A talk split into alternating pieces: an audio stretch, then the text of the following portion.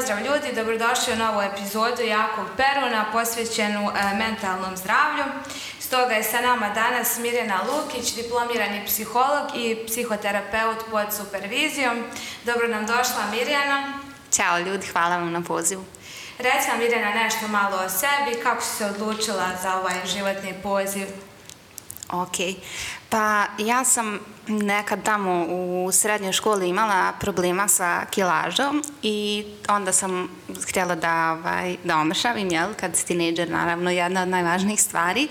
I onda sam tako istraživala i čitala razne neke knjige i bilo mi je to, bio mi je to baš problem. I uspjela, i uspjela sam da ga riješim.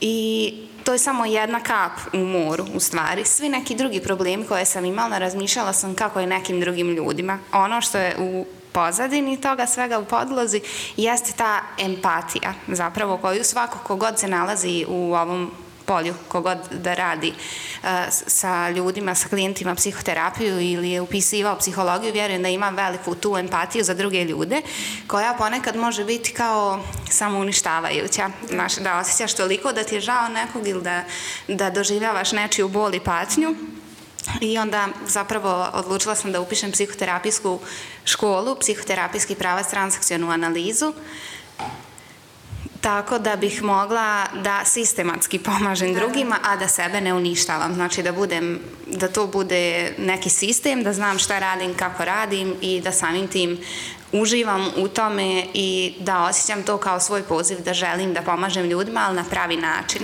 Ne znam, jesam baš dobro objasnila. Kako to ide do sad?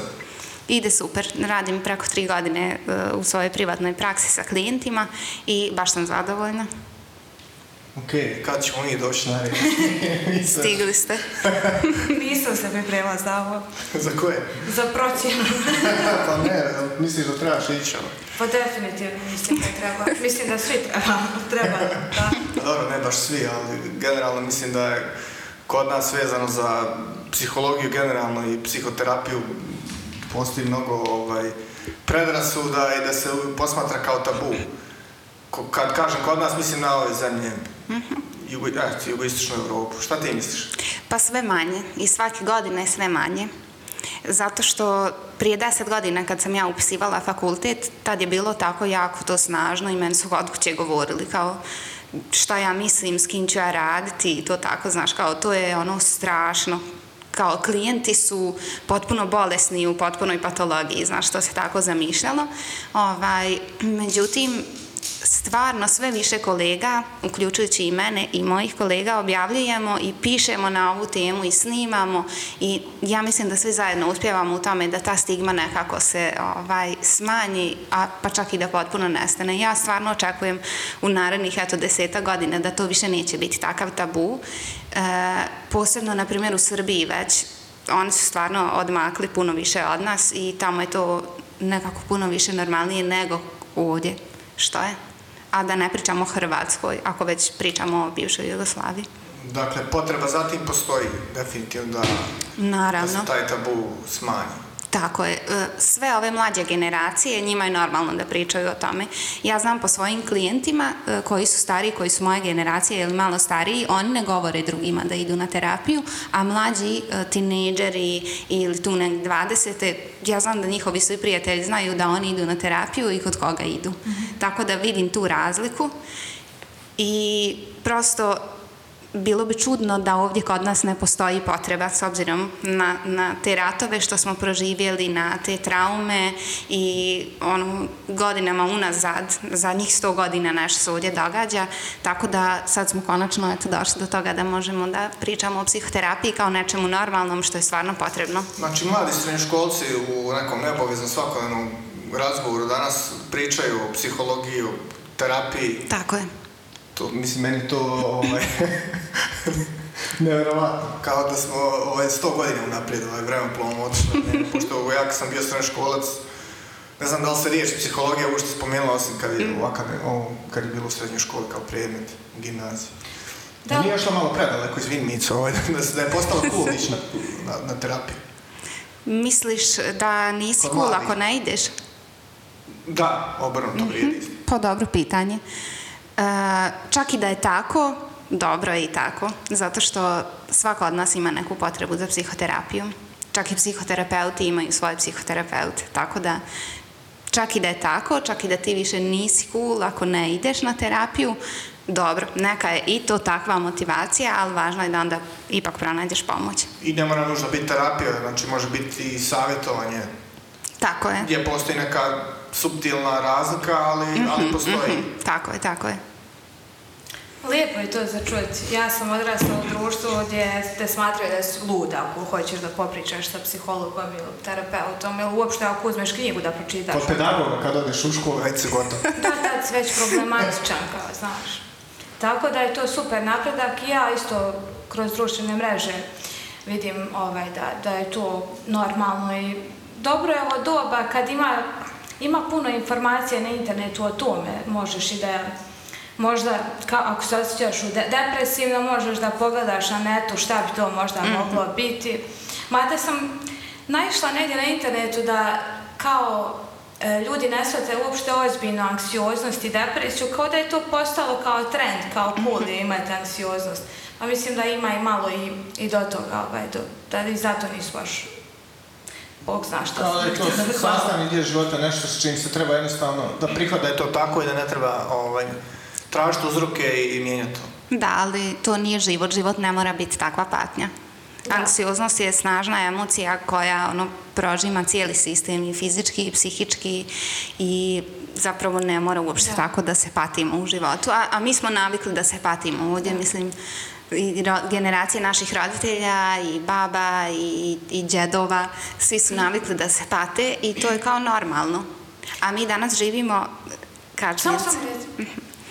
Eh, oni su živjeli u vrijeme kada je u pitanju bilo egzistencija, znači bilo je preživljavanje. Sad govorim ono unazad sto godina i kako dolazimo do ovih naših 90. godina, tako se ponavljalo i našim roditeljima i njihovim roditeljima i stalno je bilo pitanje preživljavanja. Ako si živ i zdrav, mhm. dobro je što hoćeš ti više. Međutim, mi sad imamo u 21. vijeku u 2020. godini šansu da zapravo razmišljamo o kvaliteti života Šta to znači? Znači ne moraš više misliti, ok, imam gdje da živim, imam krov nad glavom, imam hranu i to je to, tu sam završio. To je prije nekad tako bilo, ali danas je sad više i o tome kako da se zabavim, kako da uživam, kako da produbljujem odnose s drugim ljudima, kako da napredujem u karijeri i tako dalje. Jeste, jeste, pa ja isto kad sam bila tinežer kao mama u depresiji sam, kakva je depresija, nije ti ništa, idi uzmi knjigu. A joj, sine dragi, imaš sve, šta te, fali? I, da, bukvalno imaš sve, kao šta ti fali, ono, kao kakve ti probleme imaš, mene muči rata za kredit i ostalo, kod da ja nisam neke traume vukla iz srednje škole. Dobro, iskritikala sam mater najstrašnije, morat ćemo mu montaži. izvini mama, izvini mama. Vjerujem da je tako kod velike većine ovaj, roditelja i pa te generacije a pogotovo starijih generacija. Mhm. Mislim da je to tad tek bio ono prevelik tabu da se nije smjelo prevaliti preko usta. Pa jeste, da. uzmi primjer u školi, kao nije bilo kao sada da neko prihvata da postoji poremećaj pažnje, da nešto teško i da negdje bilo on je lijen. Pa je. Da, da, karakterišete u domenu svojih mogućnosti spoznaja i tu si ti mhm. završio, ne, nema ti pomoć. Ali slažeš se vezano za, ovaj, vjerojatno ti aluzija bila na, ispraćeš mi sad kako se zove to na engleskom, taj akronim ADD, ili kako bi... Da, da, ADHD, da. Za poremećaj pažnje i to. Mm-hmm, slažeš se da, nekad zna i, i ta zvančna medicina psihologija otići malo predaleko u tom, da sama po sebi postaje svrha, pa nekad definiše neke poremećaje i obrazce, možda malo previše u smislu da nekad je samo dečko stvarno dječak ili djevojčica nezainteresovan ima ovaj, i mm-hmm. ne da, sad spada da ima neki poremećaj da se treba liječiti. Ovaj, Aha. Jel se bojiš poremećaja? Ko ja lično? Ne. Mhm. Pa ja mislim da je u redu da imamo te neke eh, klasifikacije da bismo mogli da djelujemo. Jer ako nemamo klasifikaciju, onda to bude kao ajde, ni on ili on je takav. Znaš, ako vidimo da dijete ima neki problem, naravno da može doći do greške i da se može staviti u neke okvire u koje ne pripada, ali čak i tada onda dobija određenu neku pažnju, e, neko će raditi sa njim, tražit će se uzrok tog problema, ako me razumiješ. Znači, ako taj neki dječak ima problem i da mu se neka dijagnoza koja možda baš i nije, njegova dijagnoza, neki njegov poremećaj pažnje, ali čak i tako, znači, bit će na njega skrenuta pažnja da se vidi šta je problem, da se to riješi. Mhm, mhm. Tako da... E, možemo, je, prvi ovaj korak da shvati da to ništa, mhm. da nije smak svijeta. Tako je, nije da. nikad. Da, to govorim baš zato što tako mi se učinilo kad si mene pitao je li to baš sad poremećaj. Nije poremećaj smak svijeta, znaš, to je ono kao tu si u tim okvirima, naravno da možeš to razriješiti. Ništa strašno, kao da kažemo ok, sad imaš slomljenu nogu naredna tri mjeseca. Pa da, ako imaš slomljenu nogu, znači da ne, ne možeš, ovaj, na primjer, baviti se sportom, a ti baš voliš da se baviš sportom. Znači, ipak je nešto da. I baš da je skroz normalno. Ipak je neka vanredna situacija. Dobro, jeste. Vanredno stanje. Jeste, e, ali nije ekstremno, sad je kao gotovo i završeno i nema života. A bolje se bav na, na baviti sa tim nego ne baviti se uopšte zato što e, to govorim. ja ne mogu da prihvatim da imam poremećaj. Da, e, to da govorim. Mhm, da mi slomljena noga. Mm-hmm, ja da. sam na basket. da, to govorim. Znači, da, bolje je baviti se s tim nego ne baviti se. Kada smo malo prije spomenuli doba u kojem živimo, e, mi trenutno živimo u doba korone. Da. E, ako nam možeš reći, bar kako se to odrazilo na naše mentalno zdravlje? Možda i da mi sami ne uviđamo kako je to utjecalo na nas. Pa ja vjerujem da je, mislim, ta istraživanja o tome kako, mhm. kako je korona utjecala još uvijek vjerovatno traju i tako će započinjati. Ono što ja mislim da se dešavalo, da smo svi osjećali tu određenu dozu anksioznosti i zabrinutosti i potpuno je bilo normalno osjećati anksioznost sad u ovom. Bilo bi čudno da nismo osjećali da. anksioznost ili zabrinutost i da je to tako je čudna situacija bila da nešto se događa i jedino što ti treba da uradiš, znači najbolje što treba da uradiš je da sjediš kod kući i ne radiš ništa. A što je nekad strašno baš? To je baš zastrašujuće, zato što, na primjer, kad je rat, onda ili bježiš ili ideš u rat, bar znaš šta radiš, a ovako, ono, sjediš kod kuće i tako ćeš kao sačuvati sebe i porodicu i nemoj raditi ništa, a nemaš pojma kad će se završiti, e, nemaš pojma kad će biti vakcina, šta se dalje događa. Tako da ta određena neizvjesnost, ja mislim da nam je svima držala i drži vjerovatno nadražen nervni sistem. Da, meni lično je bilo teško kako živim sama i ono bilo je negdje period dva mjeseca da ne smijemo izlaziti iz kuće nikoga viđet. I ono sjedim između četiri zida i kao razmišljam o svom životu. Ono, uhvatite malo panika i anksiozno šta je već. Ono, mm Natjeralo nas je ovo doba malo ka nekim depresivnim stanjima jer mhm. zaista Jedino je dobro što je bilo, mislim da smo se kao moji prijatelji ja povezali smo se u to doba preko video poziva, bili smo podrška jedni drugima, ali kako sam mogla da zaključim da nas je ovo vrijeme natjeralo malo da razmišljamo i o životu i, mhm. i da umalo da opsujemo, ne znam, jel da zvoljeno ovo epizodu. Možemo, pa nije, nismo na RTRS-u. nismo, neću ništa reći. Možemo psovati, poželjno, ja mislim da, da će se i gošća naša složiti. Saglasno. Nevezano za bonto, a bolje izraz svoje emocije nego i zadržavati Tako je. Da, vrlo često on dobro izraz. Pa, dobro, da. Dr. Phil said I can express my emotions, so... Dobro, sad citiram George Carlin.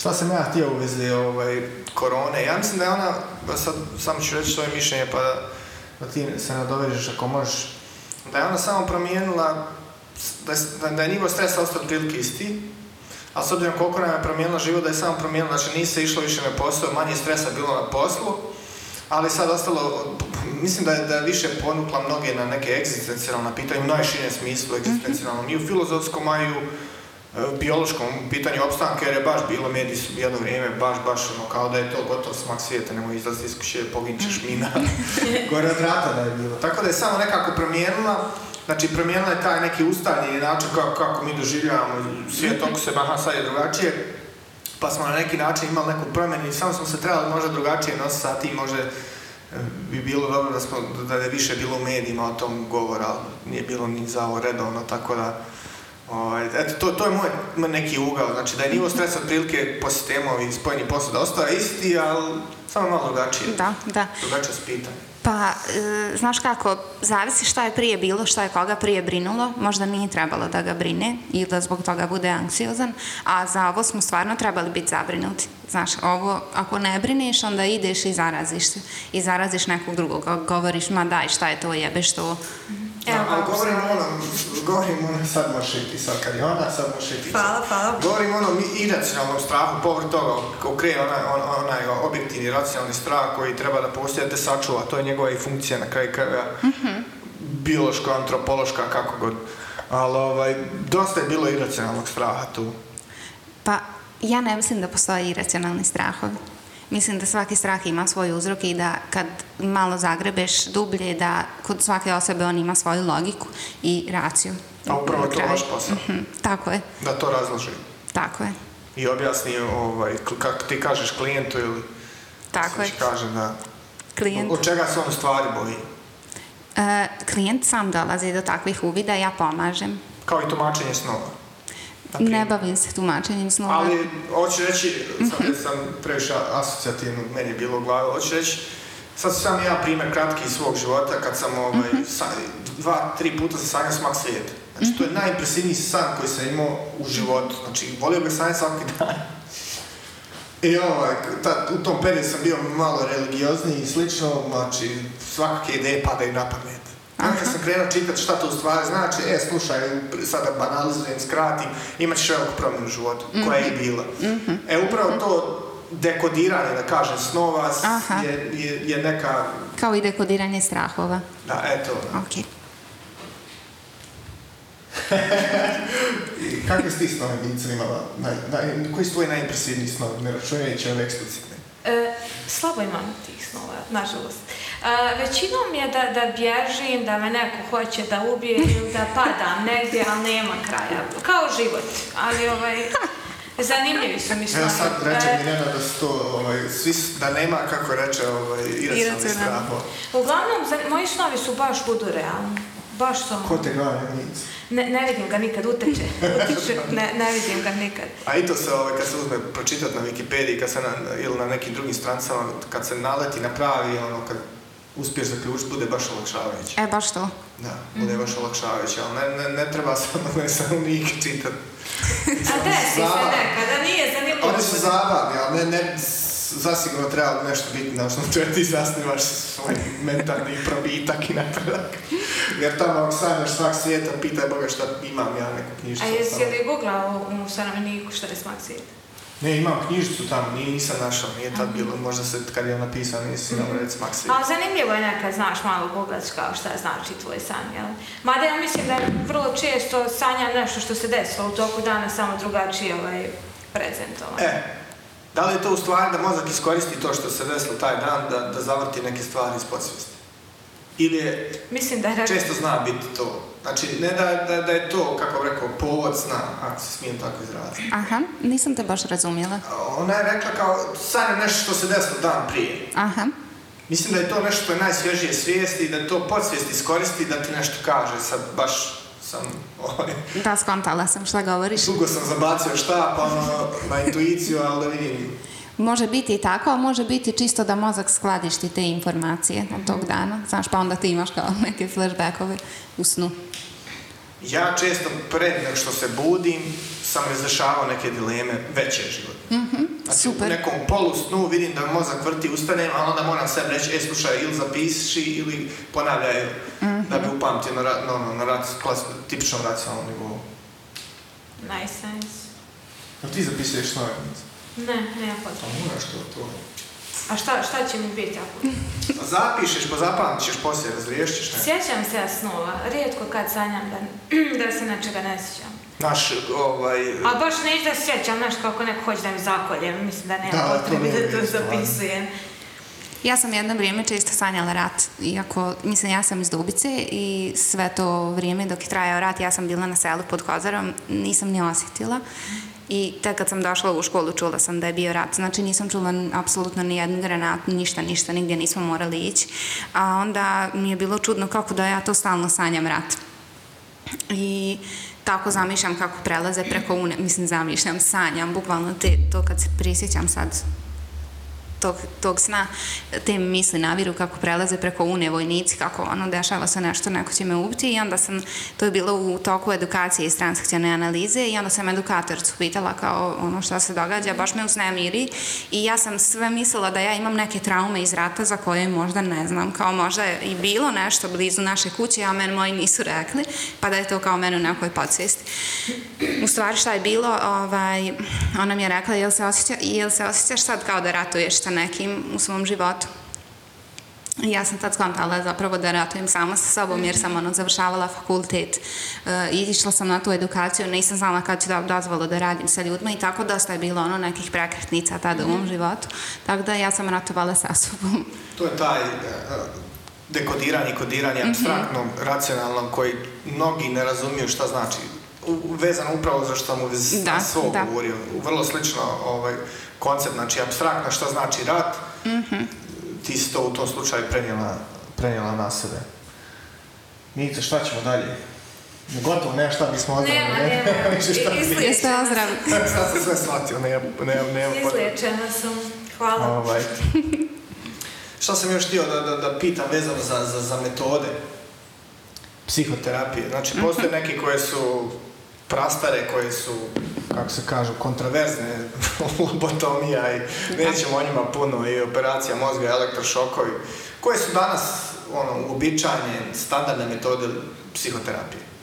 Pa to su uglavnom normalizacija, reflektovanje. Normalizacija je, na primjer, kad ti kažeš e, danas na poslu je šef galamio na mene i ja sam baš bio e, uznemiren i želim da sljedeći put ne budem uznemiren hoću da me to ne dotiče.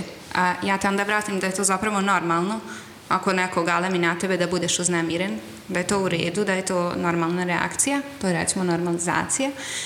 reflektovanje je kad e, čovjek priča o svom problemu i ja mu vratim nazad pitanje da provjerim jesam li dobro razumjela. Iako mogu biti 99% sigurna da sam dobro razumjela, ali je važno da vratiš nazad tu informaciju klijentu da on zna da ga neko sad razumije, to je da ga terapeut može razumjeti.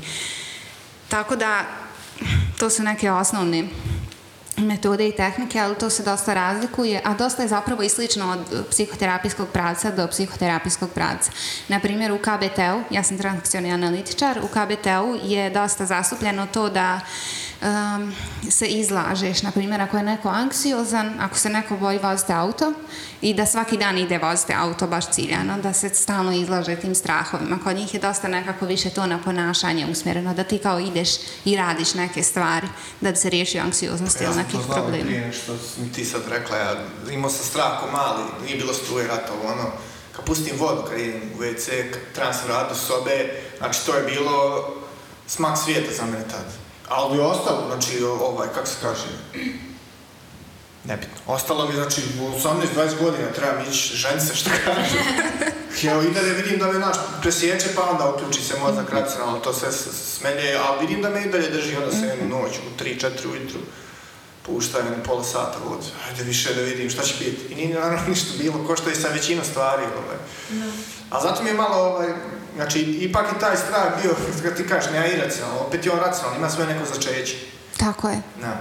Sigurno da ima nešto što se desilo u nekom momentu kad ste išao do WC-a. Da, pa kad si bio mali. se to su bile strašne ali nećemo ponovno praviti Dobro, ja još uvijek imam strah, na primjer, od vožnje, kad sve mhm. spomenuo. Kod mene je to, kao, ne znam, e, desi mi se da spavam i odjednom se probudim i kao, kako ću ja krenuti uzbrdo kad budem išla u gradišku, znaš. I stvarno mi je strah I, i ja se suočim s tim. I stvarno, ne moram, ja nima audio kuć pričam, šta ti je Aha. Ali, znaš šta, volio sad vidjeti koliko, koliko ti imaš motoriku i tehniku vožnje. A upravo ovo, koliko ti je tvoj strah racionalno i iracionalno, pošto ne slažem se skroz sa, iako je tvoja struka, da su svi strahu i racionalno, da nema i E, bojim se da u momentu neću moći da reagujem, da ću zablokirati, da ću udariti u nekoga, to je baš Kažem ti, ne mogu da spavam noću zbog vožnje. Hvala Bogu, Palović, tur sponzorište ovo.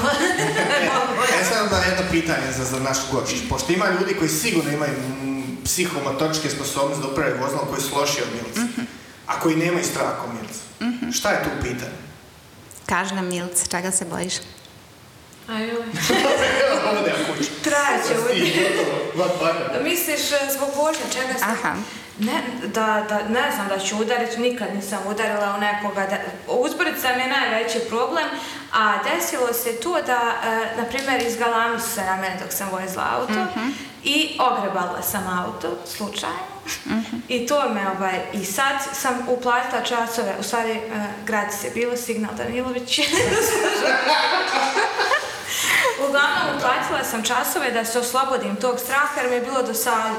I sad trebam danas da dođem autom, e, ide drugarca u grad autom, rekao možda bolje ovaj, da, da ne bojim se, ne znam nijak, nemam ništa konkretno, da ću mhm. izgubiti kontrolu možda, da neću znati reagovati u tom. Ja e, sam rekla da će ovo biti čas terapije. Neću, ajde sad baš previše u tvoju introspektivu. Nema veze, ima ljudi, dosta ljudi se plaši ove ovaj, vožnje. Bar ja sam mogla da shvatim kao početnik koji komunicira. Ali ovo što si rekla dosadno, to je, to je jedan, ovaj, mislim da je to krajnji odbranjeni mehanizam čovjek. Neću više, ne mogu. Stvarno mi je to sada bilo. Neću više. I onda sam nazvala instruktora i rekao, aj, riješ problem. Zvala čovjeka i to je to. A dobro. Da, pa djelujem da Milca ima sum. ja sad ovdje diagnostifikujem. Da, zvuči mi to, znaš, kao imaš sumnju u svoje sposobnosti. Da, da, da, da. Da, i to je to. To je ono što nju razlikuje od nekog drugog ko nema sumnju u to da, da li će uspjeti, ali to mi je skoro u redu, Milice, znaš, zato što... Hvala. Ako... Zadržat ću sad. Ako, si, ako je neko galamio na tebe ili ako si mhm. ono, bojala se voziti i nisi mhm. puno vozila, naravno da ćeš imati strah, normalno. Da, da. Tu je potpuno za očekivati. Rekla je da je normalno. da ne kuće u zapse. ali uzrok svih, pošto ja sam nekako sve kod sebe to u glavi zapamtio, znači uzrok svih anksioznosti je površna percepcija. U, ne mora da bude anksioznost može biti tekako adekvatna. ova gospođa ovdje ima pogrešnu percepciju svojih psihomotornih sposobnosti za vožnju. Ali možda nema, razumiješ? Možda cura dobro procjenjuje, nije vozila često, Razumiješ? Nije vozila, ne zna voziti, položila je možda, kako je već išlo, položila onda nije vozila, možda nije imala auto i cura nema iskustva u vožnji, li tako? Tako je. Pa Dobro, to je osnovna funkcija straha, da te spasi, ono, flight or fight u pećini ima na priča dva čovjeka, jedan se bude dio, on ostane, medija da on ostane, a ja pobjegne, koji je preživio, preživio ovaj koji Da, mi nismo u pećini. Ne, ja kažem, to je... Nismo u pećini, ali smo u autu. U autu, u golf, tu je sve isto. Pa. da, isto. Znači, ona ako nema iskustva, još vozi golfa dvojku. Dobar je, dobar je golf. Naravno da će se bojati. Ja. Dobro. Znači, no, Nema šta, gotovo, riješeno, potpisujem. Prihvatam. Prijedlog usvojen. Pored tih metoda koje je spomenula, znači, normalizacija, refleksija je još ovaj jedan, šta je sa lijekovima, da li se oni koriste u kombinaciji s ovi, ove što se nabrojala, danas se lijekovi psihoterapiji koriste često i da. mogu našao sam neki citat, mhm. prevešću onako simultano ukratko, pa ništa, uglavnom neće sad ovaj, da, se koriste, znači jedan leading prescription drugs na tom, znači i u svijetu i, i, u Sjedinim američkim državama i u svijetu. Mm od vodećih lijekova koji se uh, propisuju su lijekovi uh, vezani za psihoterapiju, odnosno liječenje. Na antidepresivi, anksiolitici i to, na to da. misliš. Mhm. Pa ovako, uh, ja sam psihoterapeut i nemam dodira sa tabletama, e, znači moj posao je liječenje razgovorom, ali kada vidim da nekome tablete mogu pomoći i ubrzati taj proces, naravno da preporučujem psihijatru da, da se ode. E sad kod nekih ljudi, ukoliko mogu da da neko možda ima neku dijagnozu i da nekom treba, zaista trebaju isključivo tablete, pa tek onda psihoterapija, e, ja sam s tim skroz u redu i ljudima preporučujem da odu kod psihijatra zato što su tablete tako dobra stvar u stvari mi dosta ovdje nekako zaziremo od toga i skroz mi to jasno, skroz mi u redu. Međutim, tablete mogu puno ubrzati stvar, a nekad su jedini izbor. E sad, to je znači, jedini izbor su ljudima koji možda imaju neku dijagnozu. Recimo kad pričamo o šizofreniji, nema tu psihoterapije, e, dok se sistem ne smiri, dok asistent će se smiriti samo sa tabletama. A ako neko e, ima tako izraženu anksioznost ili je pa nekad depresivan, tad je na njemu njegov izbor da li želi antidepresive uz psihoterapiju, zato što je to najbrži, i najlakši način da se zapravo razriješe problemi. I ovdje dosta ima tih predrasuda za tablete koje su nekad bile istinite. Znaš, nekad se navučeš na antidepresive, nekad, nekad je bilo tako da ti bude muka da imaš sve neke razne nuspojave, ali danas to sve dosta drugačije i te tablete su isto usavršene. I mislim da ono, hvala Bogu da to postoji, da možemo da koristimo, znaš, kao super je da možeš popiti neku tabletu pa da ti se malo smire hormoni ili... Da pa se ugasi vatra pa da mogu e, tako je, bravo. razgovorom. A šta sam vezano za to što sam ti reći, Ko, ja sam zaboravio što sam ti reći, morat ćemo Ali ovaj, do, do, dok si pričala o tome nešto mi je palo na pamet, ovaj, sam zaboravio, imaš ti kakvi, kakvi stoje mišljenje o tabletama? Pa sasvim je okej. Nemam neko mišljenje. Većinom je u društvu kao kad čuješ da neko prije eleksilium ili nešto zanaksano, ovo je lud čovjek. Ovo je lud.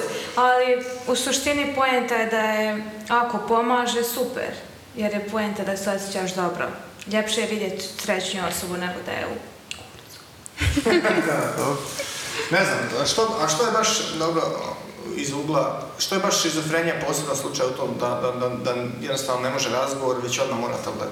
Zato što čovjek doživljava psihozu. To je kao ono pucanje nervnog sistema. Mhm. Zato što doživljava halucinacije, e, vidne, slušne, razne. Psihoza je kao pucanje. Nisi tu, nisi više tu u realnosti. Ne može doći do tebe niko. Da. Ne može, ne može niko doći. da te koliko, toliko u normale, je to, jel ima kod nas ove riječi koje mo, vi, vi morate pažljivo birati riječ? Tako je. Pogotovo ovaj, kad se obraćate direktno ovaj, klijentu. A sad se sjetiš što si ti reći, pa neću opet zaboraviti. Sad je možda dobra prilika da razjasnim slušalcima koji budu slušali. Šta je, ko je, šta ili ko je mhm. psiholog, šta je ili ko je, je psihoterapeut i šta je ili ko je psihijatar. Okay. Alako, narodski. Da, e, psihijatar je završio medicinu i specijalizaciju odradio na psihijatriji. On je prije svega doktor koji može da propisuje tablete. E, psiholog je završio psihologiju na filozofskom fakultetu i negdje primarna e, da kažem, šta, šta radi psiholog? On radi one testove kad ideš da polažeš za auto. i slično tome. Znači, radi te psihološke procjene ili neke testove, neka istraživanja. Mhm. To je negdje posao psihologa, a e, psihoterapeut liječenje razgovorom. I u čemu je razlika? Znači, da sumiram, psihijatar medicina, psiholog filozofski, odnosno psihologija, a e, psihoterapeut može biti ili jedno ili drugo, mhm. ali da je završio dodatno neki psihoterapijski pravac, neku psihoterapijsku školu. Kome god da ideš, lud ovdje, tako da... Kako god okreneš. Hvala lud čovjek mu.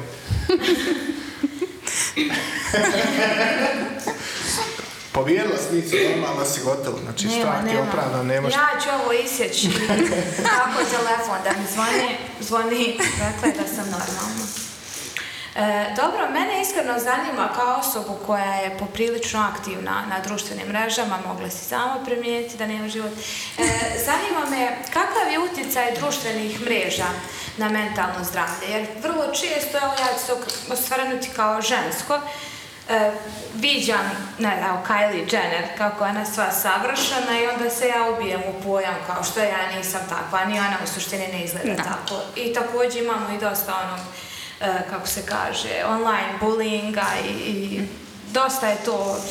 Ajde, neće Mirjana sve reći da je to normalno, da ona je savršena, to je Kylie pa na fotografijama jest.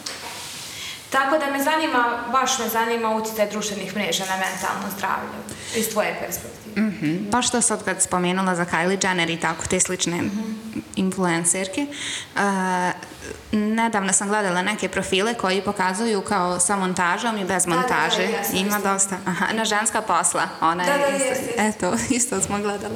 Tako da mi se to baš, baš svidjelo i nekako, baš mi je super kad ljudi koji su kao Kylie Jenner, mhm. Kylie nije ništa objavila slično, ali ljudi koji imaju puno pratilaca, koji su nešto mhm. poznati, objave onako kako jeste stvarno. I stvarno mi se sviđa taj pokret da neka tamo djevojčica koja ima 15 godina vidi da neka tamo Kylie Jenner ima celulit. Jer strije da je to sve normalno, da, da, nisi, da, da.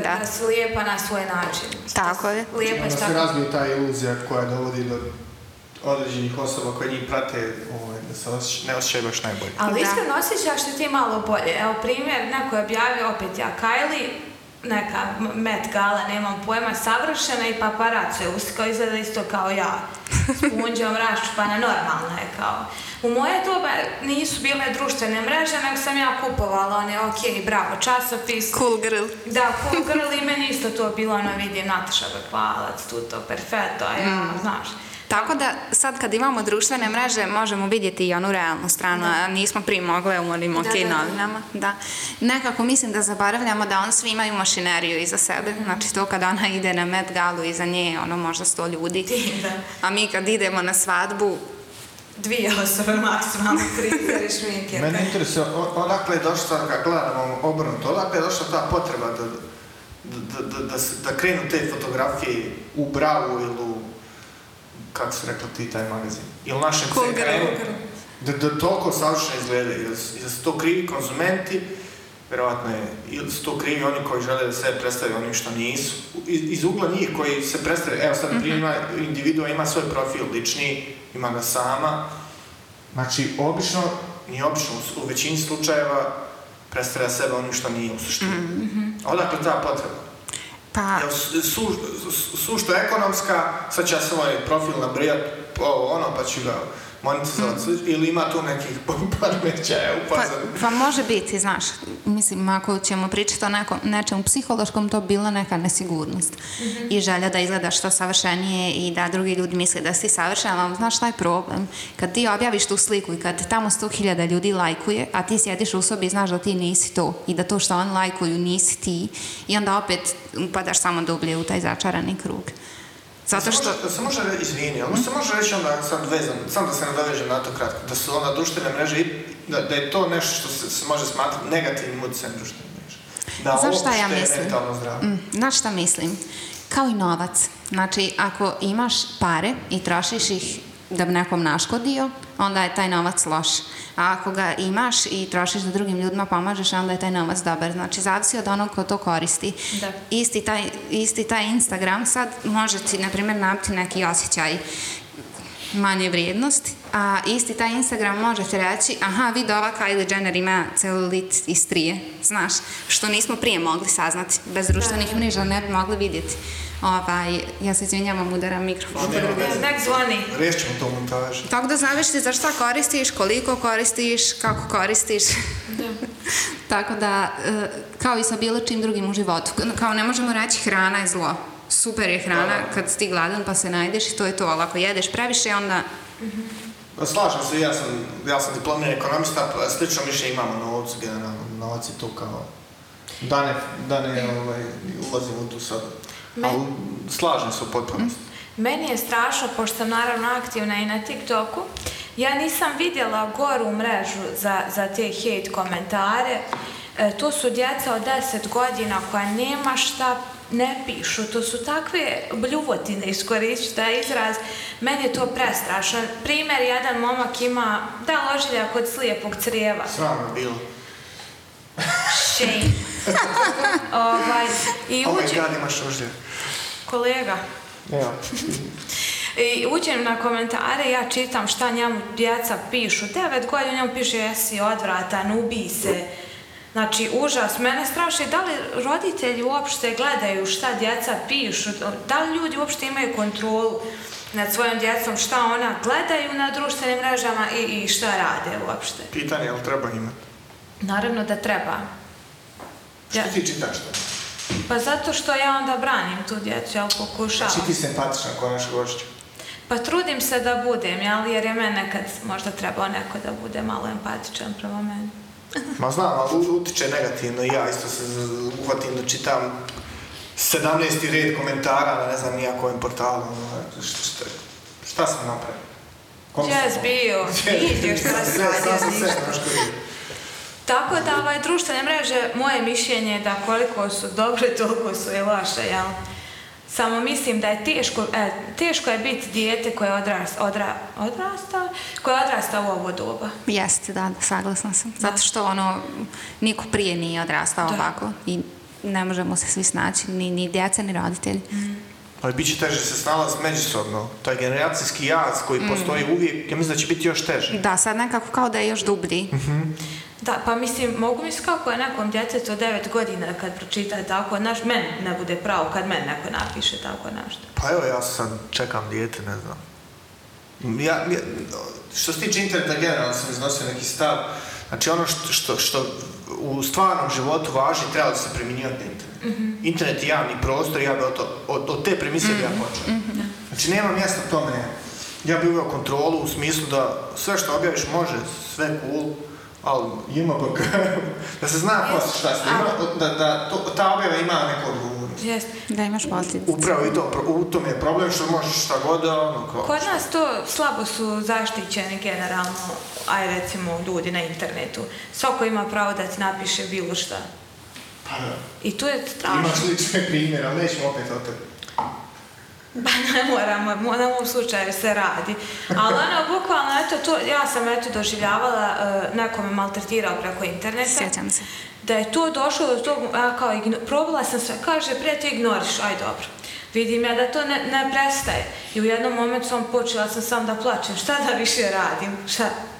I onda sam ga ono, zaključala sve i ok je bilo. Zanima me kakav je to profil osobe koja ima potrebu, jel?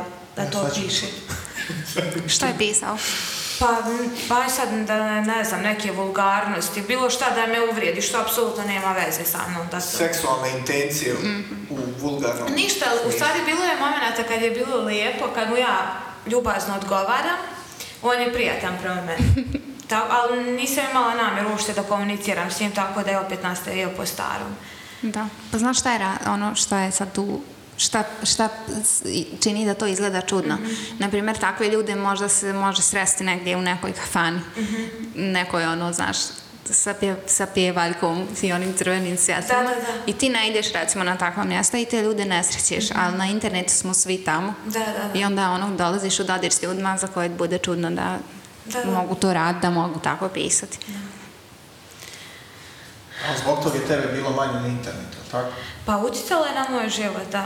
Ali imam osjećaj da ova djeca opet ću TikToku, da su puno hrabrija nego što sam ja bila u, tim. Pa njima je to normalnije, da kažem. Da, ja gledam, na primjer, djecu njima nema šta, ne pišu, boli no, briga, idem ja plesat, men se pleše i to je to, dok sam ja to prestala da snimam. Nisam imala energije da se ja sad tu kao... Zbog jednog? Zbog jednog. Ostavio je trag. Štete čovječ? Štete za moju karijeru, usponu. Papa. pa pa. I za tebe lično i za nas koji smo trebali to uživati. Aha, a ja... Divno, će, Biće, biće svega. Znači, sigurno postoji razlika između utjecaja društvenih mreža na one koji smo odrasli, da kažem, pola-pola i oni koji od starta kreću. Mhm. A mislim da oni koji od starta kreću da nije nama baš najjasnije Treba proći malo vremena još da vam to bude jasnije na koji način to utječe. Meni je, na primjer, to maglovito. Mm-hmm. U maglovenju ne, ne, ne mogu zamisliti, znači da, da ono, ima sam par, par puta da, da s mlađima, o, ono, svojim bližim rođacima malo vidim jednostavno da, da ne, ne znam komunicirati, da, da ono, počet da se prilagodim koliko trebam, da vidim da mi je teže nego nego nekad tamo kad sam na istom intelektualnom bio kad sam sa tim godištem mm -hmm, Vidim da je nešto drugačije. Da, skroz je drugačije. Ja kao da ispričam ovaj, jednu anegdotu čerka od moje sestre kreće u školu i sad ona je našto kao znala da, da čita i piše i onda ovaj, sad kako je krenula nastava, njoj se ne da. Mhm. Ona govori da je zaboravila, znaš, ali mi svi znamo i učiteljica zna da se njoj zapravo ne da, da ona sad piše, da ona čita i tako, to njoj nije zabavno. I ja sad pričam s njom i kažem, mano ako budeš naučila da pišeš i da čitaš, onda možeš kad kucaš tamo na Google, ona voli onog Filipa zagu i Arijanu Grande i to, reko onda možeš da ukucaš sad na YouTube šta god ti hoćeš da gledaš, onda ne mora mama tražiti mhm. nešto, nego ti i ovako ono, Ovako ona, ali tetka, ali ja to ovako. I otvara, ulazi u YouTube, sišće onaj mikrofon i govori ovako, Ariana Grande. pa kao za meni, ja kao, tetka nisu uspjela. To je nisu uspjela, to je ta snalažljivost. Dosta su snalažljiva ova mlađa. To je ono što prihvatam. Znači, drugačije, to je ono što prihvatam. Drugačije, nema potrebe za, kao nekad, znači da toliko znaš pisat, čitati sve stoji, znači imaš voice, kako se to zove reći, glasovne komande, da. ne koristim, ali, opet, ne znam, mislim da se gubi neki human touch između, ono, generalno između ljudi, da, da se razilazimo koliko god je u službi društvene mreže da te drugo, mislim da se gubi na neki prirodni način kako se povezujemo između sebe. Ja ne... I pojedinac kako se, kak se povezuje sa svijetom, što je još važnije. Ne između sebe sad nas troje ovdje, nego kako se pojedinac sa svijetom. Sigurno, sto posto. Potpuno drugačiji je svijeta od našeg. Ima jedan više, internet. Da. Ne direkt, da internet samo dio tog svijeta. E, tu je negdje meni nešto me boči, ja ne znam šta, pa evo jer i sad sam možda nadašao slučajno sasvim. Mhm. Mm -hmm. Znači da internet je portal, preko njega će ja spoznat svijet. Mm A to nije, on je samo dio svijeta, oko tebe. Da, da, tako je. to je toliko, neko ostane zapisano. Pa naravno da ti čudno, znaš. Mi smo baš, koje ste godište? 85. Ja sam 91. I ja sam tamo na negdje ono krajem srednje napravila Facebook. Ti se još bolje sjećaš toga mhm. prije. Tako da ono, sjećam se kad, kad kako je to bilo čudno kad je to tek počelo i kad smo tek čuli, sjećam se, prvo je bio onaj Beršir, ako se sjećaš. Da, neko zna da Beršir znači. Samo. Bio je prije, Facebook, prije Facebooka bio denek.ba. I MySpace. Ja mi je žao što se nisu ispali. Da, MySpace je bio, ali ovi su bili naši domaći, ono što se nisu ispali, mogli su baš zaraditi veliku lovu. Mm. Mm-hmm. Tako da, znaš, kad, a sjećam se i onog vremena bez interneta potpuno i ono, ideš u školu i, i dogovoriš se s nekim da ćeš se naći poslije škole i to je to, nema kao... Sad moram minut sve. Da, da. Jesti, hello. Sad pišeš i na Instagram, WhatsApp, Viber, kao... Ovo me zove danas nekog nepoznatog broja ludulo. Mjesto smo rekli, nađemo se u pola dva, pola jedan i to je to. A dobro, moram potvrditi. ne, nema veze. Znači, ali ne znam što, na, na što će to izaći. Mladi, internet, svijet, kako ga doživljavaju. Biće skroz drugačije. Kaže će nama biti zanimljeno, na, njima samo. Dobro, mi smo još mi na, na pola. Pola nama je to i, i malo prihvatljivije, normalnije, ako smijem reći. Ali ono, na primjer, ja sjedim s tedom, njemu nije jasno što ja radim u toj kutiji, znam. A pa da, luda, luda. Da, ja ne mogu zamisliti ovaj, kako je tek starijim ljudima. Ono, potpuno ne možeš razumjeti, skroz ti je abstrakt apsolutno. Da, ba, makar smo imali sreće da se sjećamo jednog i drugog. Da, lijepo, aj bar nešto. Da, da, da, je našu generaciju to neku u širem smislu. Ma, ja se sjećam u srednjoj, u osnovnoj školi stigao računar, šta je ovo tvoj? bilo je ono, Strašno. A ne znam, sećate vi kad je bilo glasina da će se Facebook naplaćivati? Ja, to traje oh dan danas. Tetke, ja izvinjavam se svim tetkama, većinom su cina grupa objavi ovo na svoj status ako ne želiš, Facebook, Gold, bla, bla, bla, to. A da pričam mi. To je to što sam htjela reći vezano za to temu. Ja se sjećam, ovaj, kad je tata kupio mobilni telefon sa žem je bio. Baš davno, ne, ne znam, možda krajem početkom 2000-ih. Ovaj, I tata je to ostavio od kuće kao kućni, znaš. I zvaćemo mi babu, ovaj, mama, sestra i ja zvaćemo babu da baba nas nazove, da mi čujemo kako zvoni telefon. I mi kao nazovemo babu i baba kao dobro, sad će vas zvati mi spustimo i telefon. Ja tad u tom momentu to nisam znala, nije ni moja mama, kreće vibrirati. Znači je bilo ukašena zvana sa I ja se sjećam, on ovako odskače na onoj fotelji, to je baš jaka vibracija bila i mama govori, bješte eksplodirat It's gonna blow up. I mi kao bježimo u sobu, kao jel prestalo? Lijep trenutak, zaista. A to, to, to su bili ti telefoni koje ne moraš puniti od mjesec dana. da, da, da. su imali mogućnosti Jo, isto lijepo bilo. Tad je bilo svi na privatnosti. Znaš, sad moraš pogasiti sve na sve aktivnosti i sin i ostalo. A pa da, uslovno rečeno, prirodnije je bilo nadogradnja te tehnologije tvojim potrebama prirodnim. Sad je neprirodniji, znaš, imaš... Otvoriš ekran, ono... Svega. 5 gigabajta informacija u mozak, bum. Mm je bilo, ja nazovem, spustim u kući i ostavim. Nemoj sam da vibrira. I to je to. Sad je nekako, ono... Uvodim sebe, na primjer, ono, prije posla, kad sam u prije posla kad pijem kafu, ja ne pijem kafu, pijem čaj. Znači za telefon, znači u ti 15 minuta dok ja se kao mhm. razbuđujem, ja sam previše informacija da bi, meni da. ne trebaju u suštini. Bukvalno. Pobjedio den nije i to je to, me je dovoljno, ali ne uzme, ono sam mm. baš ovih dana sam rekao se da neću, bar ujutru to, mhm. da se prirodnije nekako zaspe i budi. Da. To je meni bio. Mislim da previše informacija dobijam. Jes, jes, da. I... A mora ih barem posjeti. To je mora. Mora 100%, da.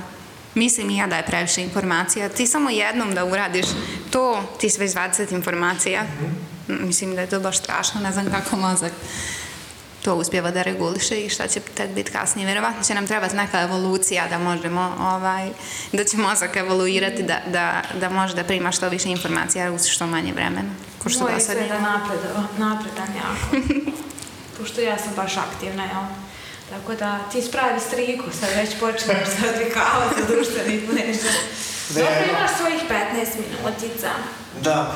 Dobro, počitaj neki dnevni magazin, nešto, večernje novosti. Ali to je jedna krajnost, on sad aludiramo više, dobro, koliko provodim vremena kao vajera, koliko vremena kao čitam informacije, koristim, nebitno sad, a koliko ima potrebu da objavljim. Ja sam sad neka druga krajnost u smislu prilagođenosti i usklađenosti sa društvenim normama.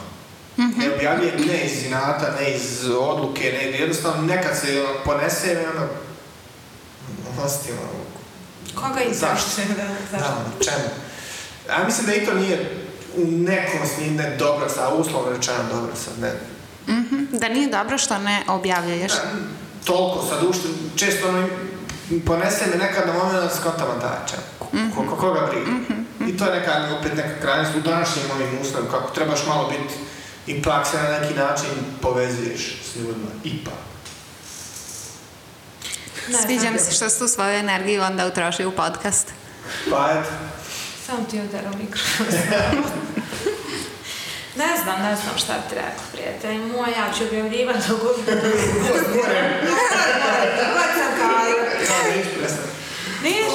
to super je to što, mislim, divim se ljudima koji nemaju potrebu sad da objave nešto. Ja nekad idem iz krajnosti u krajnosti ili me nema, da moj svaki korak ovaj, objavljen. Ne mislim bukvalno svaki, ali našla sam ja mislim taj neki balans da mi odgovara, da ne šerujem previše informacija o sebi, ali volim da objavim kad sam lijepo, štaš. Moja empatija proradi kad vidim da neko kad ostim ja možda pogrešim da neko grabi taj like, traži taj like, sve još jednom fotku. Ne bude žalog. Pa dobro ti gledaš i sve. ne znam, nekako Mislim, nije svako ko objavljuje svaki dan svoj selfie, nije da je, nije svako... Nije da je pačenik. Pa nije, mislim, samo mu je došlo da objavi, osjeća se lijepo i hoće da zabilježi taj... E, to me i ja, to me i ja znam. Da. Uglavnom, ja sam jednu djevojku upoznala i primijetila sam da ovaj, ne piše fotografije sa bivšim momcima. Na, na, I pitam ja nju, rekao, zašto, pošto ja to sve hide, block report. I ovaj, kaže ona kao fazonu, pa gledam kao na Instagram, kao na neki svoj fotoalbum, kao neke moje uspomene. I lijepo, evo primjer, na Instagram baš je Mirena danas objavila neku uspomenu svoje prije dvije godine, ono, nešto bi zaboravio. Jeste. Jeste, da, pasu. Ono, mhm. Ali treba pas kosti prijatelja. prijatelji onda. Mm. ono. Ja to gledam preko, ti došao kuć pa ti otvorio da. da. E tako isto Instagram. Stara škola. Pa da. Ništa. Ali može li sad uvod novu temu? Naravno, da. Koja je? Da, pa ovo što smo sad zapisali, sam da pročitam. Gledaj ti to? Ma vezano za, za ovaj, Real... savjetovanje parova da li oni bili formalno u braku, da li bili samo kao momak i djevojka i slično. Koliko je to kod nas danas, kako rekao, zastupljeno na neki par i, mhm. ili bra, bračni partner da, da kažu, e, mi da... Pa sigurno dosta manje nego individualna psihoterapija. To je tak u, kako se kaže, u zavoju, u I manje nego u je montažu. I na jel? Znaš kako, to je nekako još veći korak od onog da ideš sam, nego sad ideš kao i sa curom ili momkom ili mužem, djevojkom. kompleksnije, jel? Kompleksnije je za osobu da to doživi kao ja sad idem za svoj brak raditi nešto i idem ga spašavati, a što generalno ovdje svi kažu ako ne ide, ne ide, ako ide, ide, moraš strpiti i tako dalje, znaš. Da, to je isto kao ono, aj, bit to dobro. Da, da. Aj, tako i svima. tako je to, šta si ti mislila i tako dalje, znaš. Tako da ono kao to još, aj ovamo se anksiozan, depresivan, o tome se baš puno priča i u redu ideš potražiti pomoć, ali ovamo kao ti nešto hoćeš da spašavaš brak ili vezu, čak vezu još gore.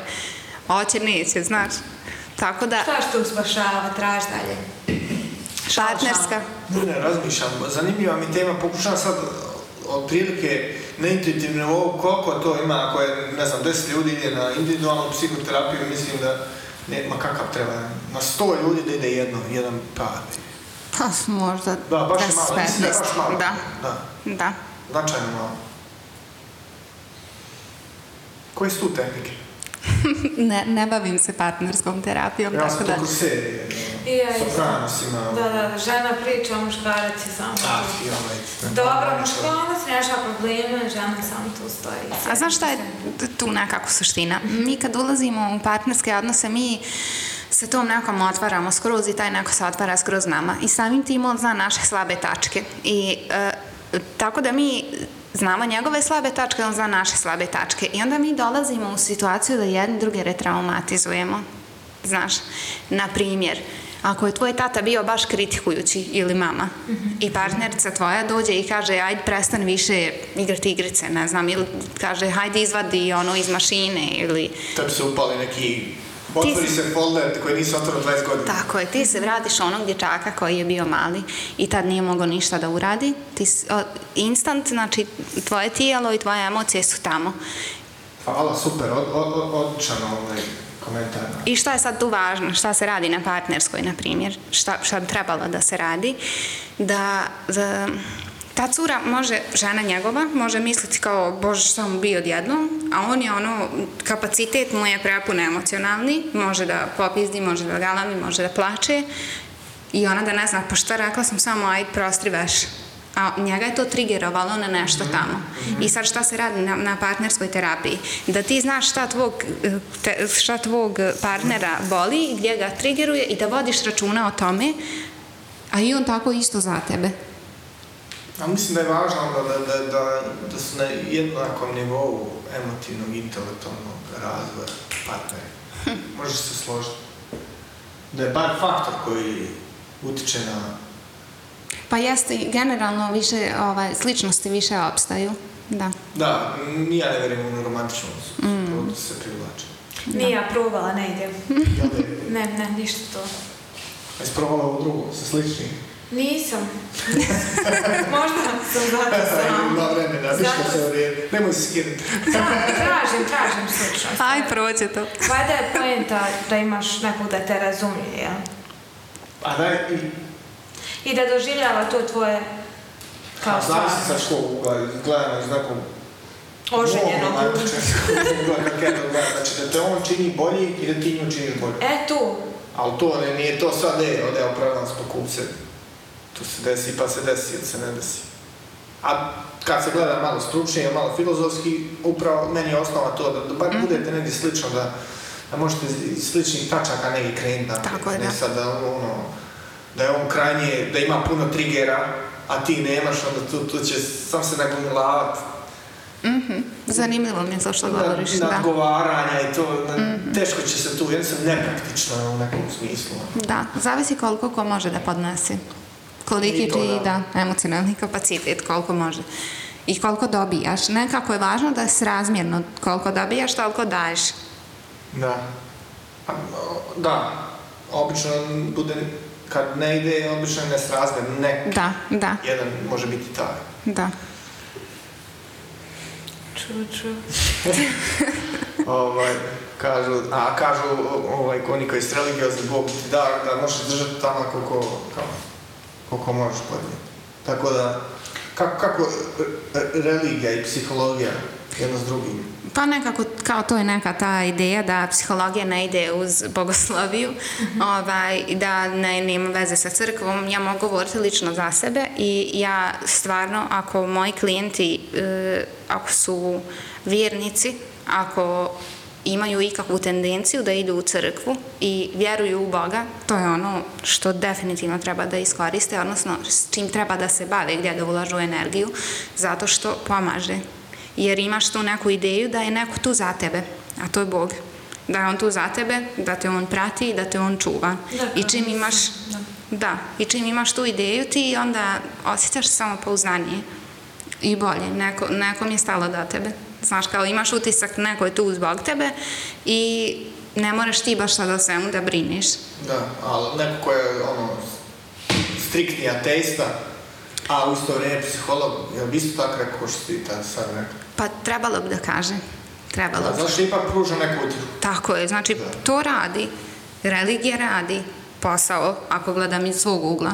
A što je sa atipičnom religijom, na primjer budizmom, koji nema ne podrazumijeva dualnost i princip kazne i, i nagrade i nema Boga kao u ostalim mhm, religijama koji mhm.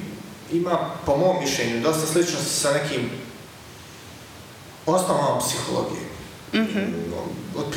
Da, pa nekako budizam je više nekako kao neka duhovnost.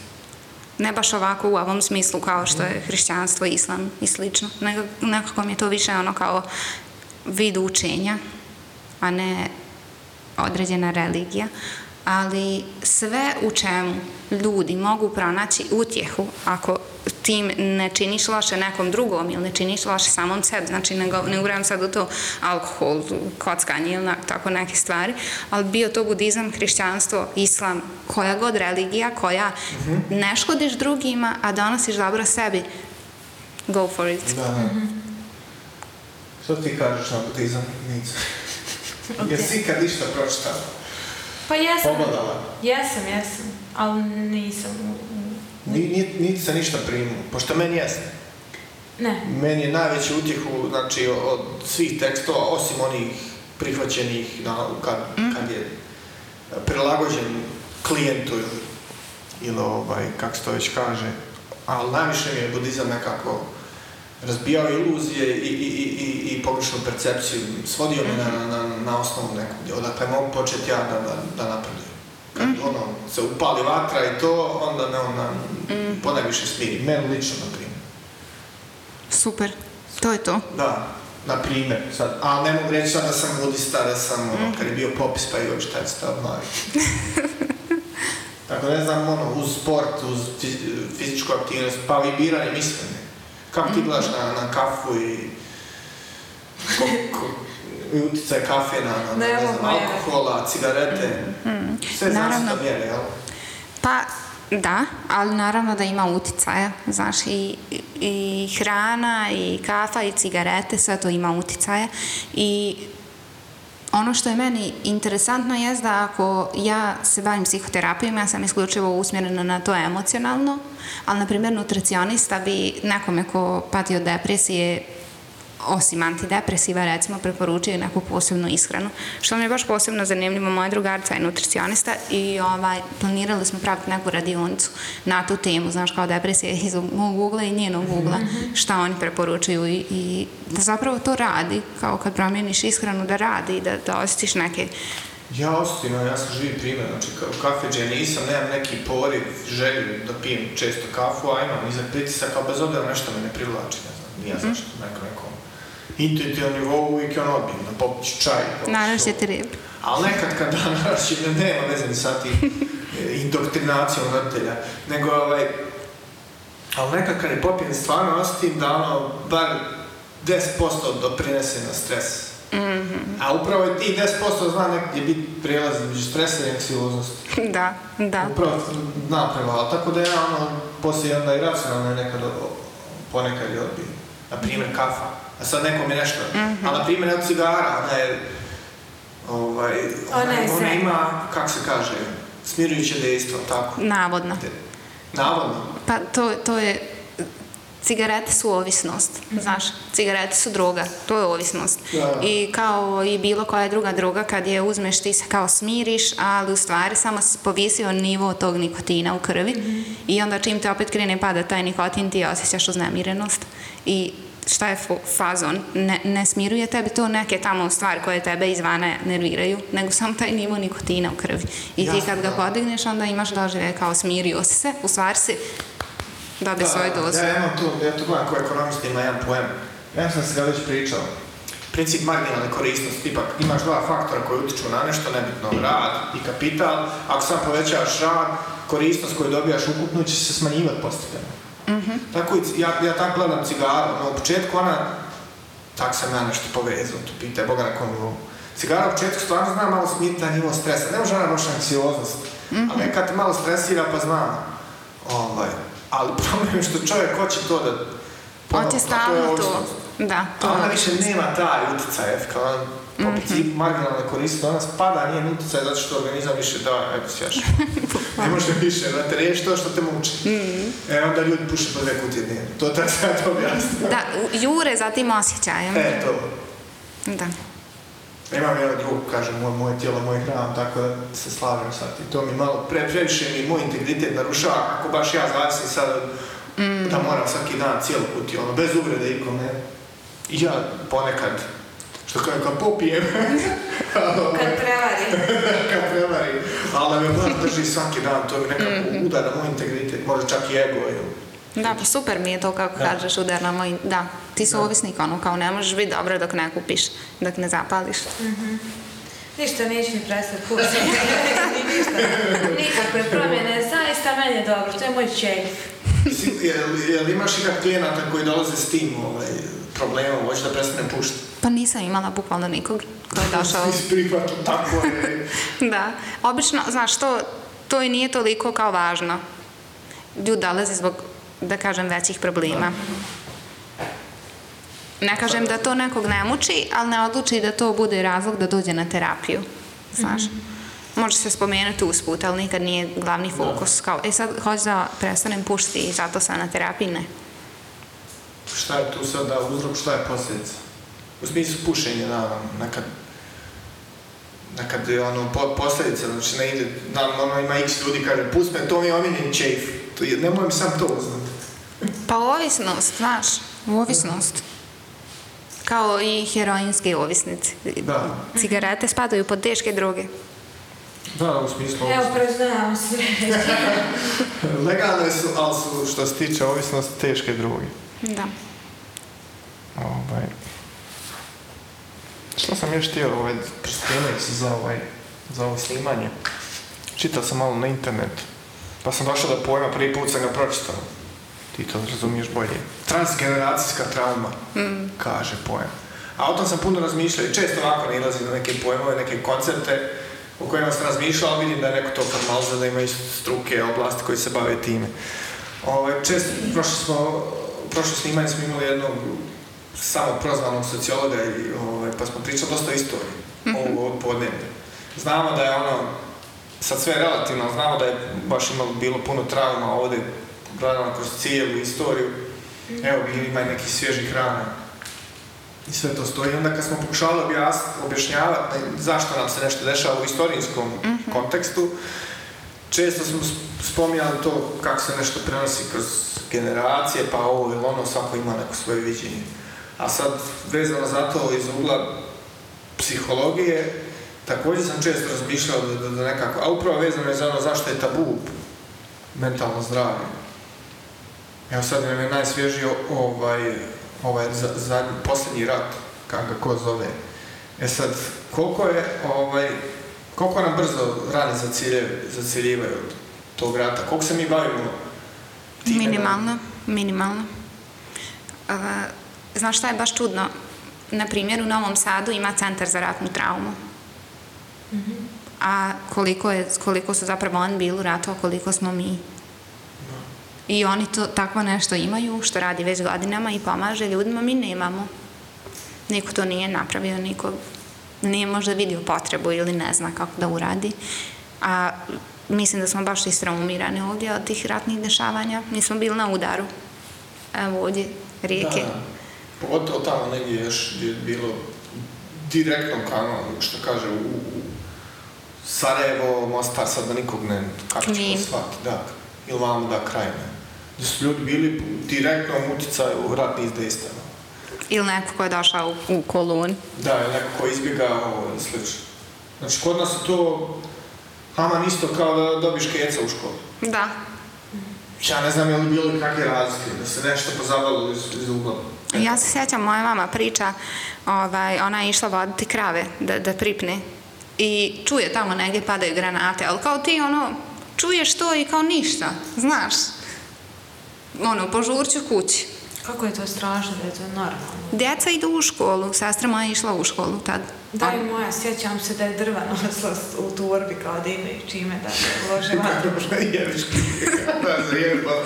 Mame sad matematike, ne, po, po, koji će pati. A pa znam se sad kao ideš. I svoj Mirjana. kao ideš negdje da pripneš kravu, jel? I negdje padne granata. Pa da, da, i, i to je bio čudan, ono, moraš život ići, mora se ići u školu. To jest. neki je bio disparitet u smislu, ali čovječ ovdje opstanak živi u pitanju, ti sam... I svi e, išli u školu za vrijeme rata, u doba korone misliš? Da, da, da, da. To je baš ovaj... Evo i sad su ih postavili u školu. Iako ona i dalje postoji. Zanimljivo. znam, nije direkt vezan za tvoj struku. A kako ti gledaš ovaj način sad prenošenja? Odnosno, vođenje nastavnog procesa upreko. Ipak se dotiče dijela.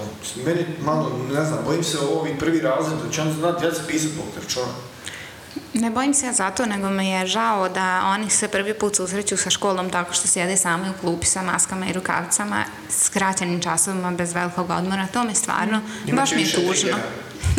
Moguće. Da, da propuštaju neka kao je neke lijepe sa drugarima, ono kao. Da, baš, baš me zanima kako će on to poslije.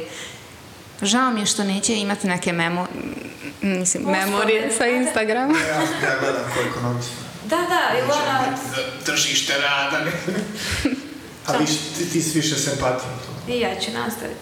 E, tužno je, znaš, ne, ne idu na ekskurzije neki svima nam je ekskurzija bila neki zanimljiv događaj, mature nemaju, baš sam i to pratila na društvenim mrežama, ono, bio je trend kao da kod kuće obuku maturalnu haljinu, jer nisu imale priliku. Danilo, to nam puno znači, maturalna haljina. E, ja to razumijem, nisam ja, ja sam empatično intuitivno biće. E, šalim se, Ne, nemam ništa protiv toga. Pa znam, šalim se kao ženske perspektive, haljina je kao, wow. Tako da sigurno propuštaju neka lijepa iskustva. Mada ne znam, nisam išao na maturu. Bilo mi je... Što? je, što? Posebna priča. A to... je, to, to je bilo, evo, to, to je... A nisi htio da ideš na maturu? Ne, ne, ne, nismo htjeli nas, ne, nekolicina smo odlučili, nećemo ići, nećemo bio toga i... Kada ćeš se ti sine kad neka dan danas? Mirjana, kakav je ovo poremeć? Dobro, da znam kontekst, pa je pa odmah presuda. Ma šalim, šalim. Uh, ne znam. Znači, prvi drugi razred, ne računajući to kako će naučiti osnovne matematičke operacije i riječi i slova. A što se bojiš da li će naučiti? Pa mislio sam to iz ugla, ne znam sad, ono, iz ugla pedagoga, nekog koji ima iskustvo. Kako prenijeti pisanje, čitanje, sabiranje? Za 20 minuta, jel? Da. Pa vjerovatno sporije, samo ide sporije. Pa tako pa, Nadam se. Da. Nadam se. E, tu je moja empatija mhm. ne znam kada razumijem i te predavače, ali znači, opet... Pričala mi je, ova, izvini što te prekidam, drugarica koja radi kao učiteljica u prvom razredu, da je ono strašno, 20 minuta ima, ona mora svima da dezinfikuje ruke, tamo vamo, ono, jedva ona stigne nešto od tih 20 minuta ide, ali sporije i njoj kao predavaču, jel, teško pada malo to, da i njoj je to nešto novo. Da. Ovaj, ali smiješno, mislim, djeca ono kaže dođe sa rozom maskom, vraća se kući sa plavom, da se misli za maske. What? Da. Moje doba je bilo cijele pole. E, mene zanima što e, šta mi možemo svakodnevno kao pojedinci raditi na poboljšanju mentalnog zdravlja? Mhm. Što ja sad mogu sama, na primjer, da radim? da, da bi se kao, recimo, osjećala bolje, poboljšala svoje zdravlje, da ne moram ići na terapiju. Mhm.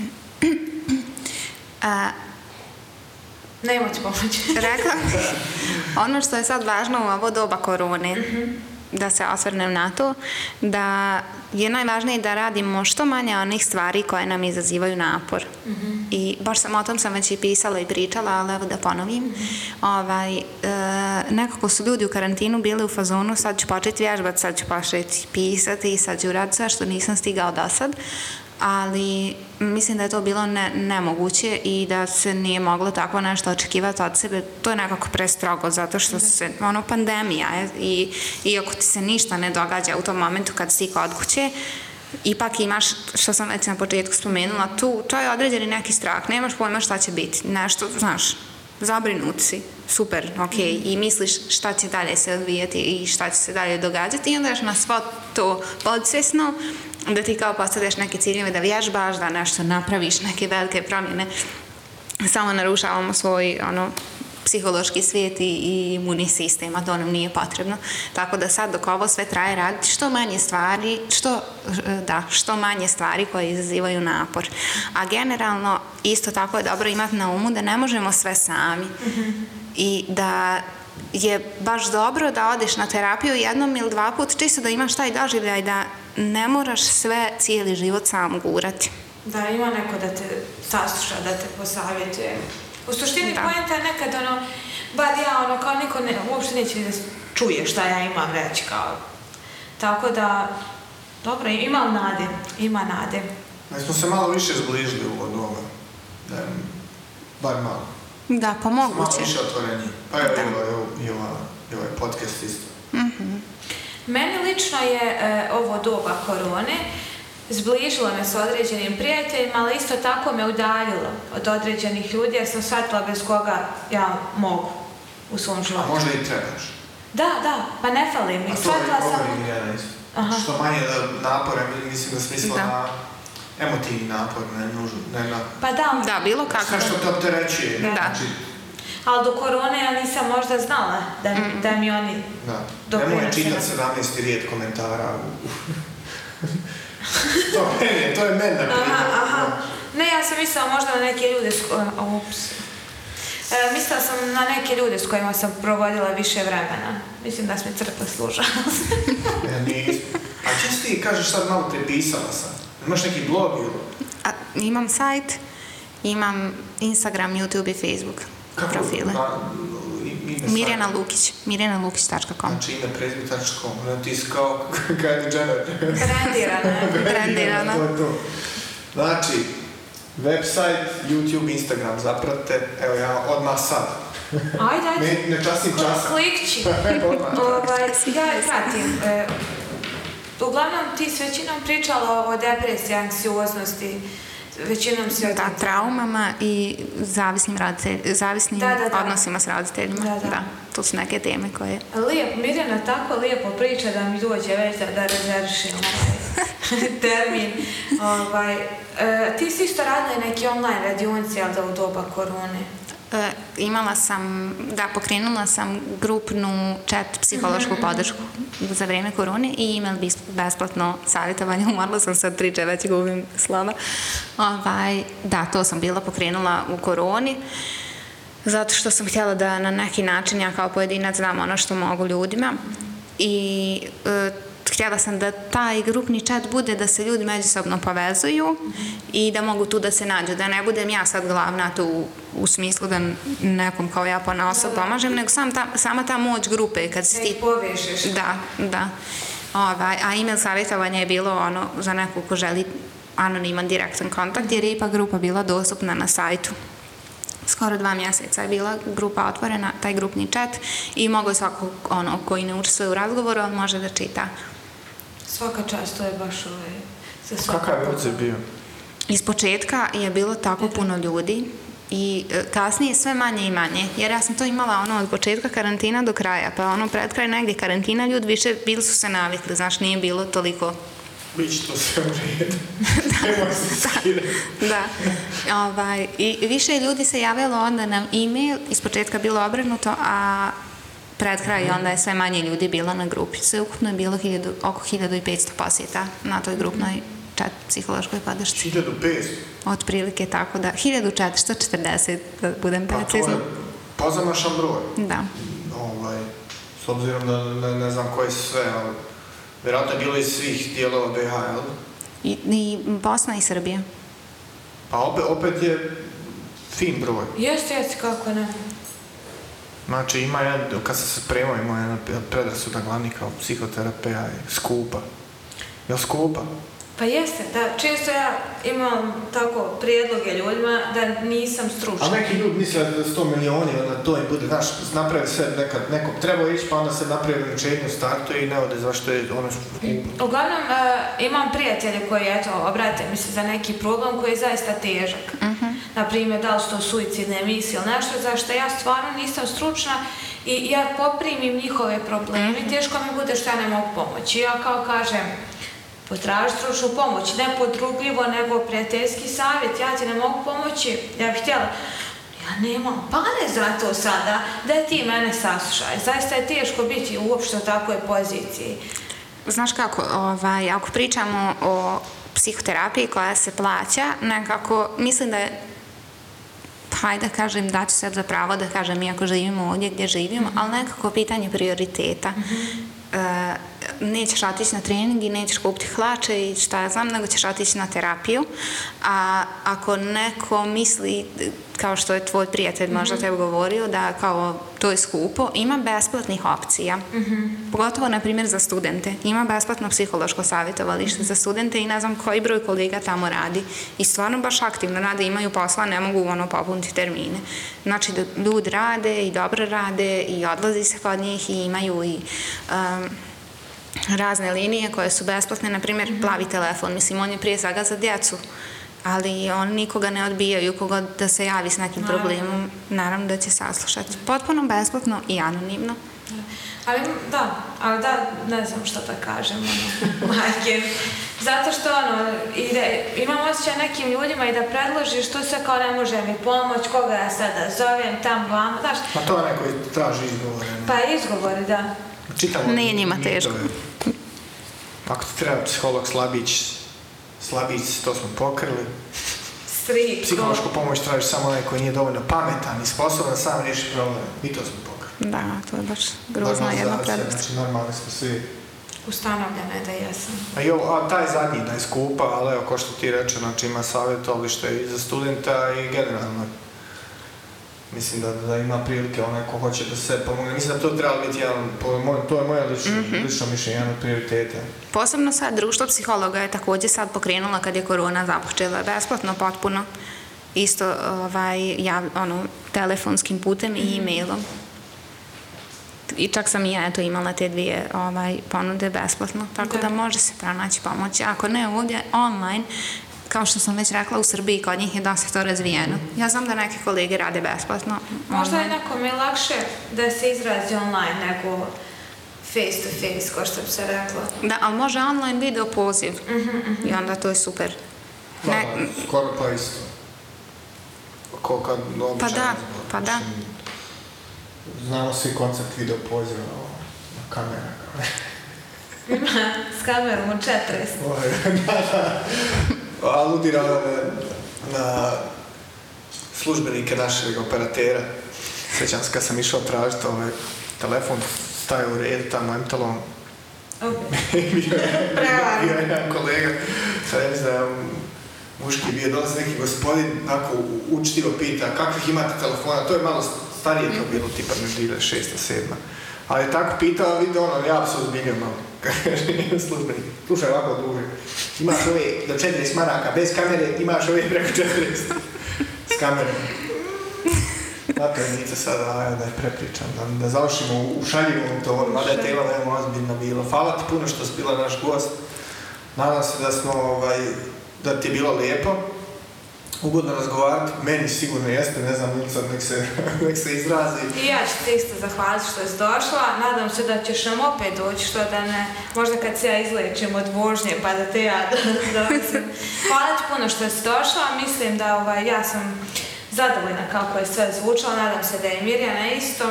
Hvala vam ljud na pozivu, baš mi je bilo lijepo i ugodno i naravno da ću doći opet kad god pozovite. Hvala i zapratite Mirenu na, na svim društvenim mrežama. I... Osim TikToka. YouTube, Instagram. Sve, ima sve. A, sve. ima ona sve. to je to, čao. Čao. Ćao.